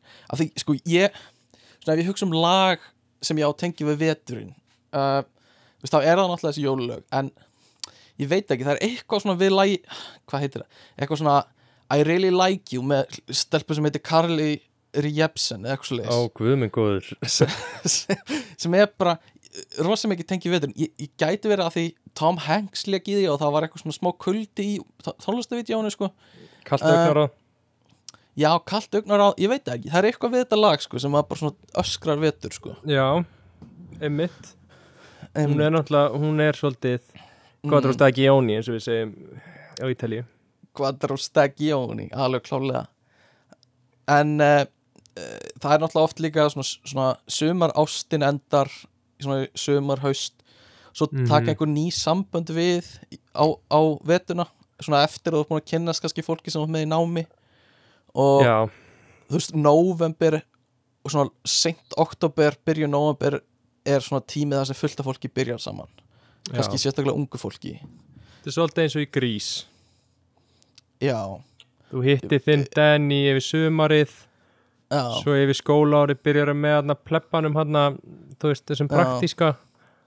Já bara Colin bara Colin Johnson eða eitthvað Já, sem bara er, er í, í tölfræði í háskólanum og hérna já, er í róðurafélaginu eða eitthvað. Já, já um alveg klálega sko þannig að, að það er svona kannski sambandi sem tekur við. Uh, og svo er vorið. Elsku vorið. Hvað hérna hvað sérðu fyrir eru vorin? Vorin eru bara svona svona endapunktur. Mm, endapunktur, þú erum vel svona, þú erum einhvern veginn þreyttari. Já, þú ert alltaf að klára eitthvað. Það er miklu merkilega að þú klárar á vorin heldur en þú Já. klárar eitthvað um jólin. Jólin Já. eru svona eitthvað pitstop þú klárlega vorið svona þar sem þú klárar eitthvað og þú byrjar að pæli einhverju öðru í lífinu heldur það sem þú ert búin að vera að gera í vetur?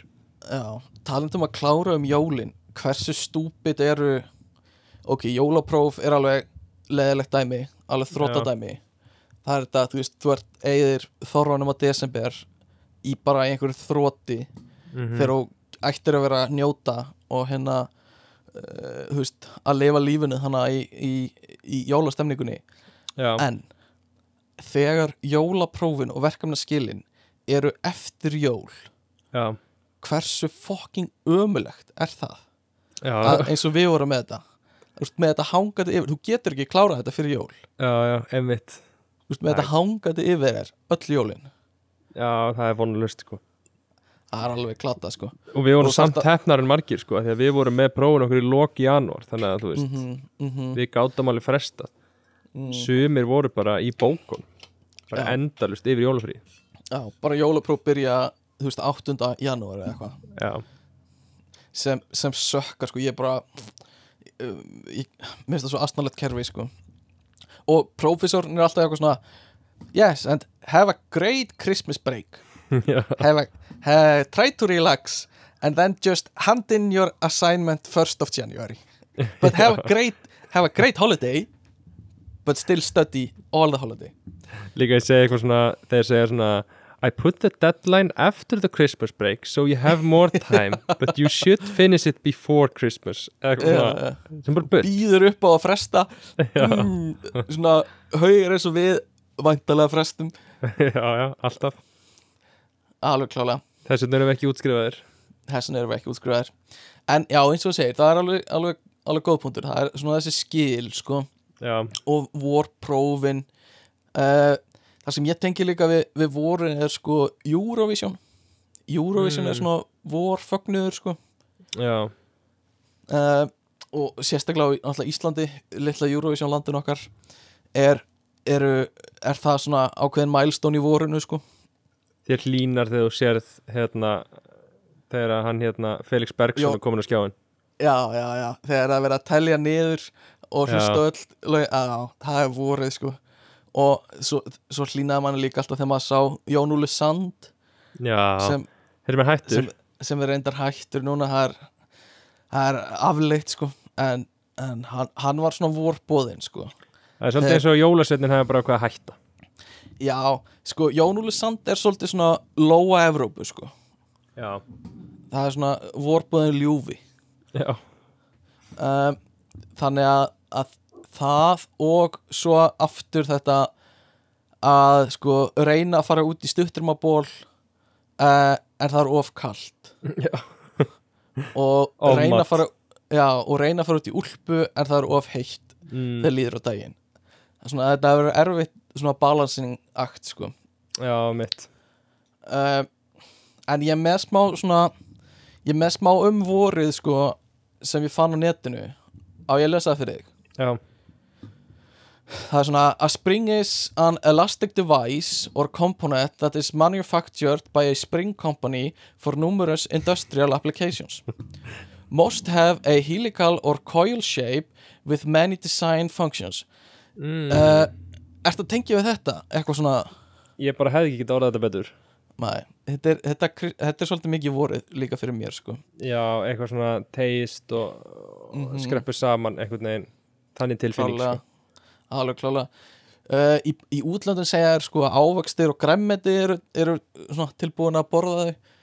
Uh, á Íslandi bara getur þú glemti það er ennþá frost í jörðu bara fram í miðjan í júni þannig að já, uh, þú getur bara, já, það er ekki alveg eitthvað sem við tengjum við.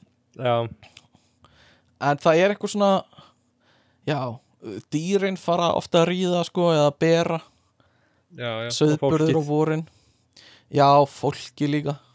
Það er uh, sala á smokkum ríkur upp. Þá þannig að- byrjaði. já, þá byrjaði sko. Þannig að er eitthvað meira svona sem þú tengir við vorið? Nei, ég heldur síðan bara búin að covera það sko. Ok, af því sko uh, svona ef maður hugsa um vorið líka fyrir mér og ef maður er með eitthvað svona tónlist í huga eða eitthvað svoleiðis þá við svona, ég veit ég er, ekki með, eru ég er með eitt sko já, sem ég finnst alveg hérna eh, alveg rosalega mikið hérna rosalega mikið jólin fyrir mér. Nei, hérna vorið fyrir mér. Já, og það er hérna Cut to the Feeling. Cut to the feeling. Já, ok, með Carly Rae Jepsen. What? Fyndið, ég var að hugsa sko Run Away With Me með einhverju stelpu sem heitir Carly já, já, Jep, Jep, Jepsen. En- þetta er bara eitthvað sem ég tengir svo mikið við við voru uh, en það, það er gott að við erum báðið með eitthvað svona voru lög sem við hlustum alltaf á. Já, en samt mjög ólík. Já, mjög ólík, hvað hétt hétt tónlistakonan sem þú varst að tala um? Carly Rae Jepsen. Carly Rae en- Jepsen. örgulega eitthvað svona frá Spáni eða eitthvað svoleiðis. Já, ég hugsa það. Pottet, Um, sko. Pottið Þannig að, að, já, þetta eru kannski svona ástíðnar Ég verð að segja Síðan COVID byrjaði Byrjar hann. Byrjar hann að tala um COVID? Já, Ég heyri ykkur segja þetta. Ég heyri ykkur segja Hei, þú sem ert að hlusta Ekki segja þetta. En bípum þetta út. Bípum þetta út. Uh, Mér líður smá eins og hafi verið vetur Síðan COVID byrjaði. Ég verð að segja Já, Ég veit ekki af hverju. Þú veist, ég hef, mér finnst bara einhvern veginn Ég ekki hafa náð að njóta sumarsins. Ég held að það sé líka masters námið okkar, sko. Ok, það gæti verið sko. Þetta, þetta síðasta sumar. Já, Guð minn almáttugur hvað var þrótað sko. Þú veist, við Maður eigum okkar sumar inni, sko. Já. Mér fannst ég alltaf þurfa að vera að læra. Og mér fannst ég aldrei vera að gera nógu mikið. Nei, Og það einhvern veginn hjekk alltaf eitthvað yfir mér mhm, Og eitthvað svona Það er bara svona fyrst núna sem þetta er svona alltaf Svona aðeins að smetla saman. Mhm. En, en Guð minn almáttugur En samt sumar undan því Þá vorum við bara fram í júlí Að læra líka. Já, þannig að mér fannst það ekki heldur gefa mér þetta sumar sem ég var að svona býða eftir sko. Nei. Þó að kannski, þó að kannski svona aðeins í seinni hluta einn mánuður eða eitthvað í fyrra. Já, en þannig að svona þetta hefur alltaf runnið svolítið saman í svona, svona vetrargraut hjá mér sko COVID-ið. Vonandi leysist úr því. Að vonandi leysist úr því. Uh, ég, já, við vonum það sko. En hérna hvernig ég var stundum pæli ég svolítið í því sko, sko hvernig svona grískir í grísk goðafræði eh, var með ástíðina síst Já, þú pælist undir við því ég pæli stundum í því er, er það nokkuð eitthvað sem þú, þú ert að pæli það? Já, að þú veist, ég hugsa ég gæti sagt þér frá því ef, ef við minnir rétt, sko.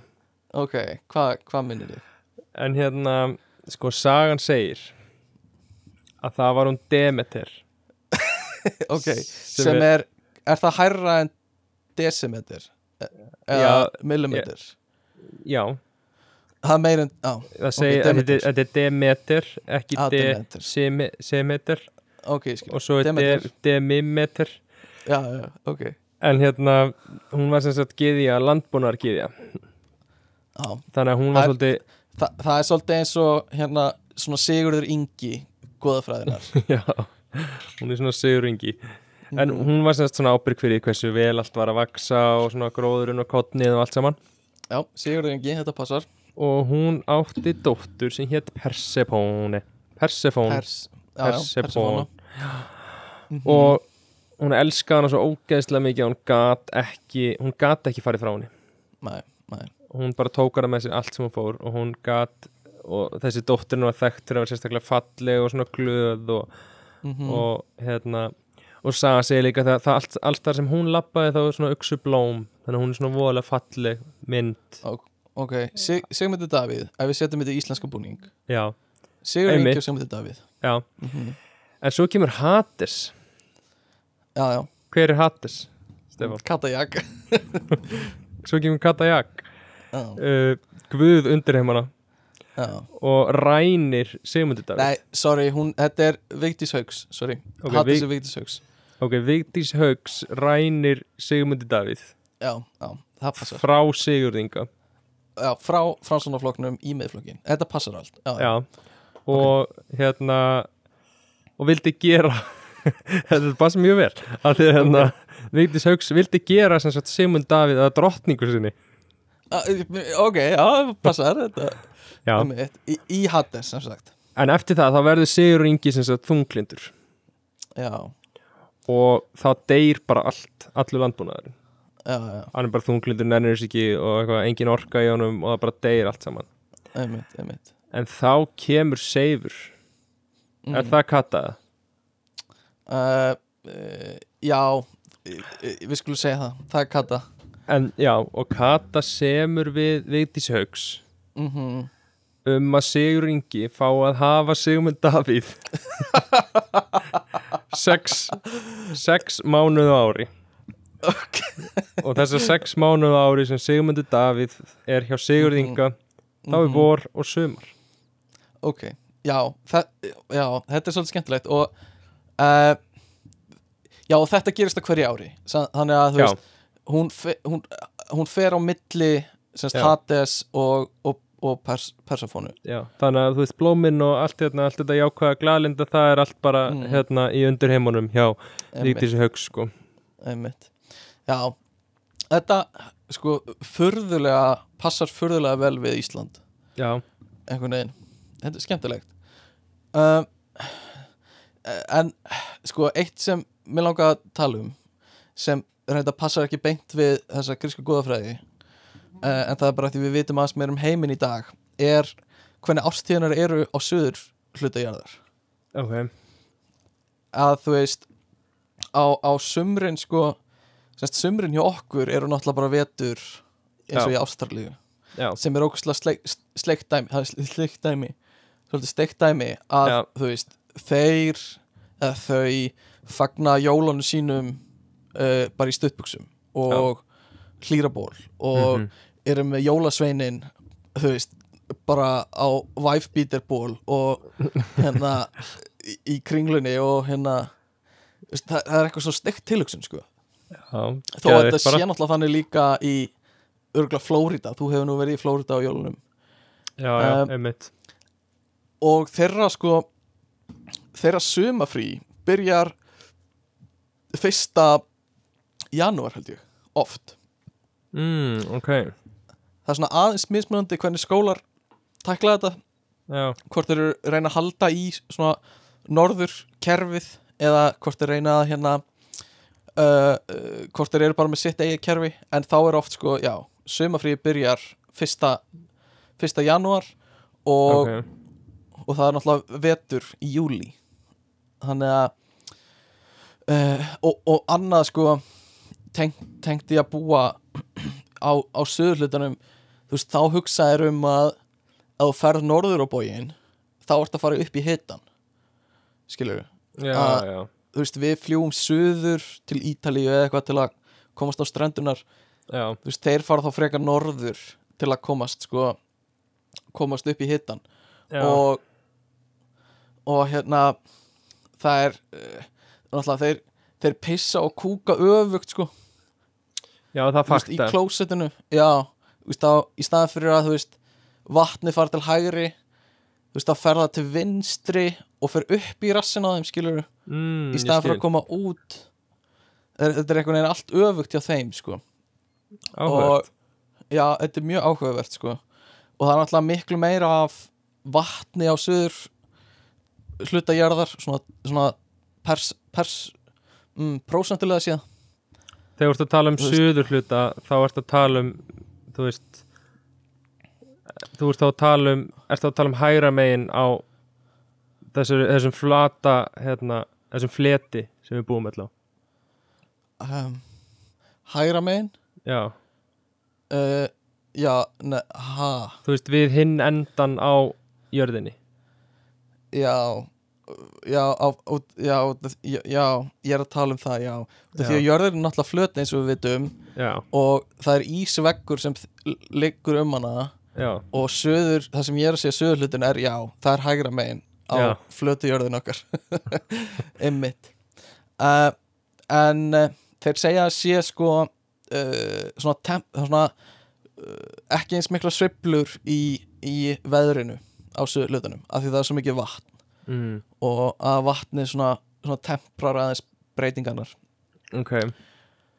Sem er svolítið skemmtileg mér finnst svo steikt einhvern veginn að hugsa um þetta allt öfugt að, að veist, tunglið er flippað. Já, þú veist, að það verðist vera öfugt þegar þú horfir á það. Stjörn, þú veist, þeir eru ekki með pólstjörnu. Þeir horfa á eitthvað þekkja einhver önnur svona stjörnumerki til að segja hvað er í söður og norður. Uh, og svo líka bara þetta með, þú veist skól, hvernig skólinn er og hvernig veturfríð er og hvernig jólin eru og eitthvað svona það er alltaf gerast af eitthvað svona brengluðum tíma sko, er þetta ekki bara með, all meðan við norður? Uh, Ég veit það ekki sko. Ég bara Ég get einhvern veginn ekki ímynda mér heiminn eins og hann er hérna á söðu kvölinum sko. Og þurfa að standa á haus allan tíma bara til að sjá rétt. Finnst mér eitthvað svo, líka rosa brengluð pæling. Ég held samt að augun þeirra er á kolvi sko. Þannig að þeir sjá.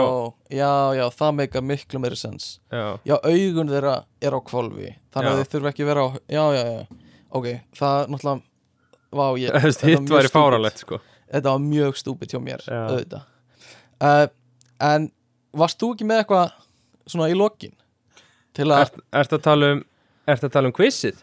já, quizið Býtu, Guðmundur, leið mér að spyrja, er þetta BuzzFeed quiz eða eitthvað svoleiðis? Þetta er ekki BuzzFeed quiz Þetta What? er bara Þetta er, þetta er viðkjönd quiz Er þetta viðurkend quiz? Þetta er hérna Já, já, þetta er bara hávísindalegt sko Ok, En þetta quiz er satt gengur út á það að vita hvaða árstíð þú ert sko. Mm. Er þetta handmade by Good, Goodmundur Paul Olsen? Sko mögulega. En ég er samt eða, það, það er pródómari Það er pródómari Við tölum ekkert um hann hérna. Alright, En ég ætla að spyrja þetta eru fimm spurningar. Ok, og við ætlum að reyna að finna út hvaða árstíð ég er. Og þú veist Þetta eru bara fimm spurningar Þetta er það háþróað Mhm, Fimm spurningar er nóg til að vita. Ef þú Ok, að gefa bara svona gisk núna Hvað heldur ást, Já. hvað ástíð heldur þú sért? Ég held að ég sé mm, vetur. Vetur, ok. Svona, svona skeggjaður, þunglindur uh, vel með góða einangrun þú veist, Ok. Hlýtur að vera vetur. En nú kemur það í ljós. Mm Það eru fyrsta spurningin og krakkar sem eru að hlusta heima spiliði með, Spiliði með? Öskriði upp átt svarað ykkar Já, ef þeir eru í búð, og þá þurfa allir að vita það líka. Við ætlum kannski að gera, gera þetta bara að Instagram quizi og Já, gefa ég fólki svona hvað hérna klárlega, ég gera það ég gera það. Herðu, ok. Mm Þegar ég borða kífi þá Mm. borða ég það A ekki segja með Býtu Loðinu. ekki, ekki ok, sorry. Stefán. Uh, uh, A með hýðinu og ég allt saman. Uh, með feldinum algjör viðbjóður sko. B, ok, B sker það í tvent og skef upp úr því með skeið eins og börnin. Ok. Super, ok, eins og svona venjulegt, ok, sorry. Þrjú, að þrjú ég síða setja í blender með smá vodka. Ok, ok. Eða fjögur ég sleiki það þangað til það er búið ok, ég get svarað bara hér og nú. Fyrsti valmöguleikin er klárlega það síðasta sem ég myndi gera.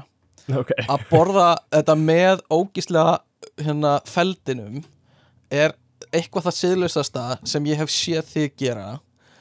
Að ég, Ok. þú, hel, þú heldur á kýði Guðmundur inn í eldhúsi á studenthótelin okkar og ég eitthvað svona, mm, Guðmundur er alltaf að fara sér kýði allar hann ekki að ná í hnífin og svo bara tekur um bita af einhverjum, einhverjum svona loðf ok um, ég ætla um, sko vodka aðferðin hljómar fucking vel ok uh, en ég ætla að segja að ég ger eins og börnin og vera Ok. okay. hreinskilin Ok, uh, en ég myndi fyrr sleikja það til dauða heldur en að geta þetta ógeðslega hýði ok Þú þarf að sleikja hýðið.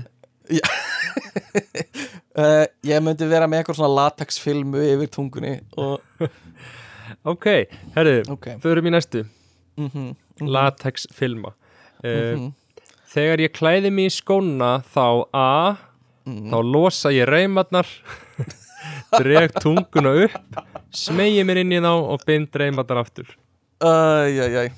Ok, Eh, býtu Ok. Nei, ég, ég segi ekki ég ekki. neitt. Já, ég að segja B. Teki tunguna og slæta Mm. löppunum inn í skóun Ok, mig grunar sem ekki Ok, komdu með ræst C. Mm. Hamra löppinu ofan í skóin eins og api þannig að tungan krumpast öll og allt í rugli um, Kannast mm, eða D. ok. D. Renni franska rennilásnum frá og slæta inn uh, ah, That's what she said. Ok, uh, ég uh, Þú orðar þetta svo ógisla illa fyrir mig En Já, ég, þú getur sett mig sem apan sko, ég hérna ég uh, hef, ber ekki mikla virðingu fyrir uh, kannski skófatnaði mínum og þá sérstaklega tungunni á skónum sko, uh, sem hefur farið svolítið vel í nójunar á, á fólkinu kringum mig. Uh, en já, ég reyni sko ég dæmi svolítið gæði skóa eftir hversu fljótt ég get hamrað fótana mínum á mér. Herðu, þá tökum við spurningu þrjú. Það gengur vel Mhm. hjá þér. Þetta gengur vel. Þegar ég fer á barinn þá fæ ég mér ódýrasta, flatasta lagerinn sem er á matselinum Það er valkostur A. Mm -hmm. Koktel á fjögur og fimm. Mm -hmm. uh, Skot og þvinga alla vini mín í að taka líka skot. Uh, ég þekki nokkar þannig Eða ég þarf ekki að kaupa neitt á barnum því fóreldra kærustu minnar flytja en vín þannig ég er nú þegar búið með tvær flöskur áður en ég kom. Uh, um, uh, sko það gruna örgla einhverju hlustendur hvað ég á að svara.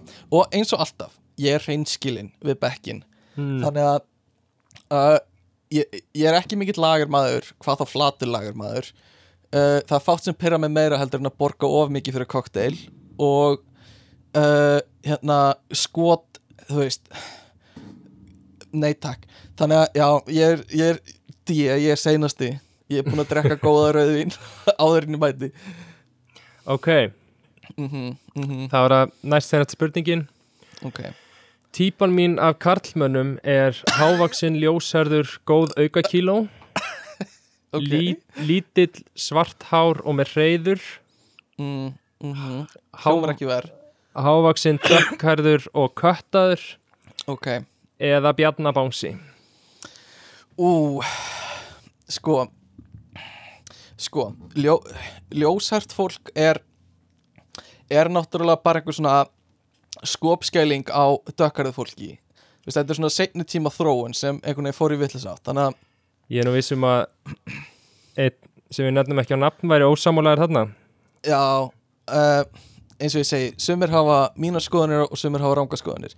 Þannig að uh, það er ekki ljósarða manneskjan uh, alveg klálega sko með hreyðrið sko nei, nema kannski vorin þegar fuglan er að leita sér að einhverju þá þá myndi ég kannski fara í hreyðurstrákin en svona heilt yfir þá myndi ég velja hérna uh, uh, hmm bángsan sennilega, það er annarkvært bángsin eða dökkarði köttaði gæin en ég Ok. myndi sennilega fara í bángsan ef hann er með fallegt andlit Ok, það er bánsinn mm -hmm. Herru, þá er það síðast spurningin Mm Úslita spurning mm Herru, þegar það er sólringu dagur og ég er í göngutúr -hmm. þá hlusta ég á A. Sound of Silence með Disturbed útgáfuna. Ég hlusta Ok. á My Life með Billy Joel. Ok, can you Eða- eða Moving Out með Billy Joel. Okay. eða Uptown Girl með Billy Joel. Uh, það, er greinlega sko, það greinlega mikill munur á þessum Billy Joel lögum sem þú ert að velja. Það segir greinlega mikið um ástíðir uh, Ég er náttúrulega valdi ekki neitt Nei, nei, nei, nei, nei, vantarlega ekki. Sorry, sorry, sorry. Um, ah, Sko ég, Eins og alltjóð veit, ég er alveg Billy Joel maður sko. Um, en oft í göngutúrum þar maður þetta ekstra kick sem ráma viski röddin frá söngurinn í Disturbed er búin að fullkomna svona æðislega vel. Að, að hérna þegar þú mætir sko erfiðstu brekkunum viltu oft hafa and, and the voices are calling gæjan sko. Mm, Uh, þannig að, að ég verð að segja Disturbed sko. Disturbed. Mm Ok, ertu tilbúin í niðurstöðara? Beti, það, er ekki að fara í gegnum algoritman og ok. Og niðurstöðunar koma eftir 30 29 Nei greinlega mikil traffík á servernum hérna Herriði, þú ert haust. Er ég haust? Já, er ég haust? já. Ok, ok, ég var að búast við vetri. Þetta kemur mér óvart en þetta er samt, eins og ég sagði á það þetta er sannlega mín. Þannig að ég er bara nokkuð sáttur við þessa niðurstöðu. Já, Uh, bara til hammingju þannig að, og þið hlustendur getur spilað þetta á Instagramin okkar líka. Uh, ef þið þið hittu á akkurat rétta tíman, þá getur þið spilað þetta á Instagramin okkar. Nema ég setja það aftur inn dag eftir dag. Um, eh, nei, gleym því. Þannig að þetta var mjög gaman. Þetta var mjög næst, þú mátt skila kveðja á höfundin Já, ég geri það. Og uh, ég þakka bara fyrir þetta. Haust, vá, Já. geggjað. Uh, fáum við smá hérna uh, svona shoutout frá Júliu Já, fær hann að segja hæ Júlia Má Hún er að segja hæ að laumu pokast bak við bak við Guðmund og hérna, Þín var sárt saknað í podcastinu. Já, mjög sárt. Mjög sárt saknað. Góðan daginn. Góðan daginn, Júlia Sif. Hva, Hvað hvað segir, fólkið? hvað, ertu hauststelpa, vorstelpa, veturstelpa eða sumarstelpa? Ef Ég er haust. Er það eins og ég? Já, við Vá, erum eins. geggja Við skulum Mjög samt eins. býða eftir niðurstöðum úr prófinu. Um mitt uh, Já, þetta, það var hérna uh, það er gaman Ó, að heyri í þér, Júlia Já, sem er leiðis Ég er búin að Mhm. hlusta á okkur hérna bakvið Aha, já, þú heyrir í gumma. Ég þú heyrir svona hel, helmingin á samræðinni Já, ég heyri alltaf eins og ekki Já, ég veit, komið sér bara að tala um sjálf og sig.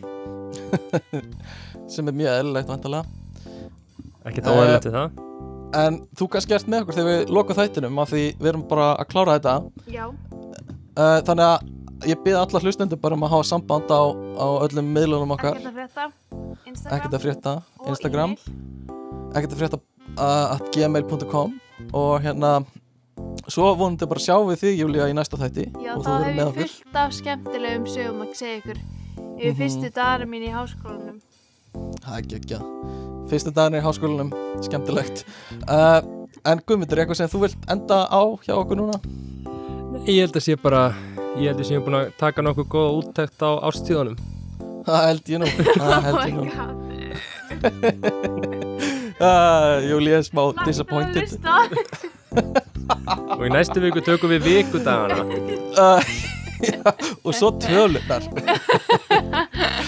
ah, Ok, ég er greila mikil vombrið með þetta val. Sé eftir öllum ákvörðunum sem ég tek í lífinu. Þannig að uh, við kveðjum þá bara sinni og við segjum bara bye bye, bye.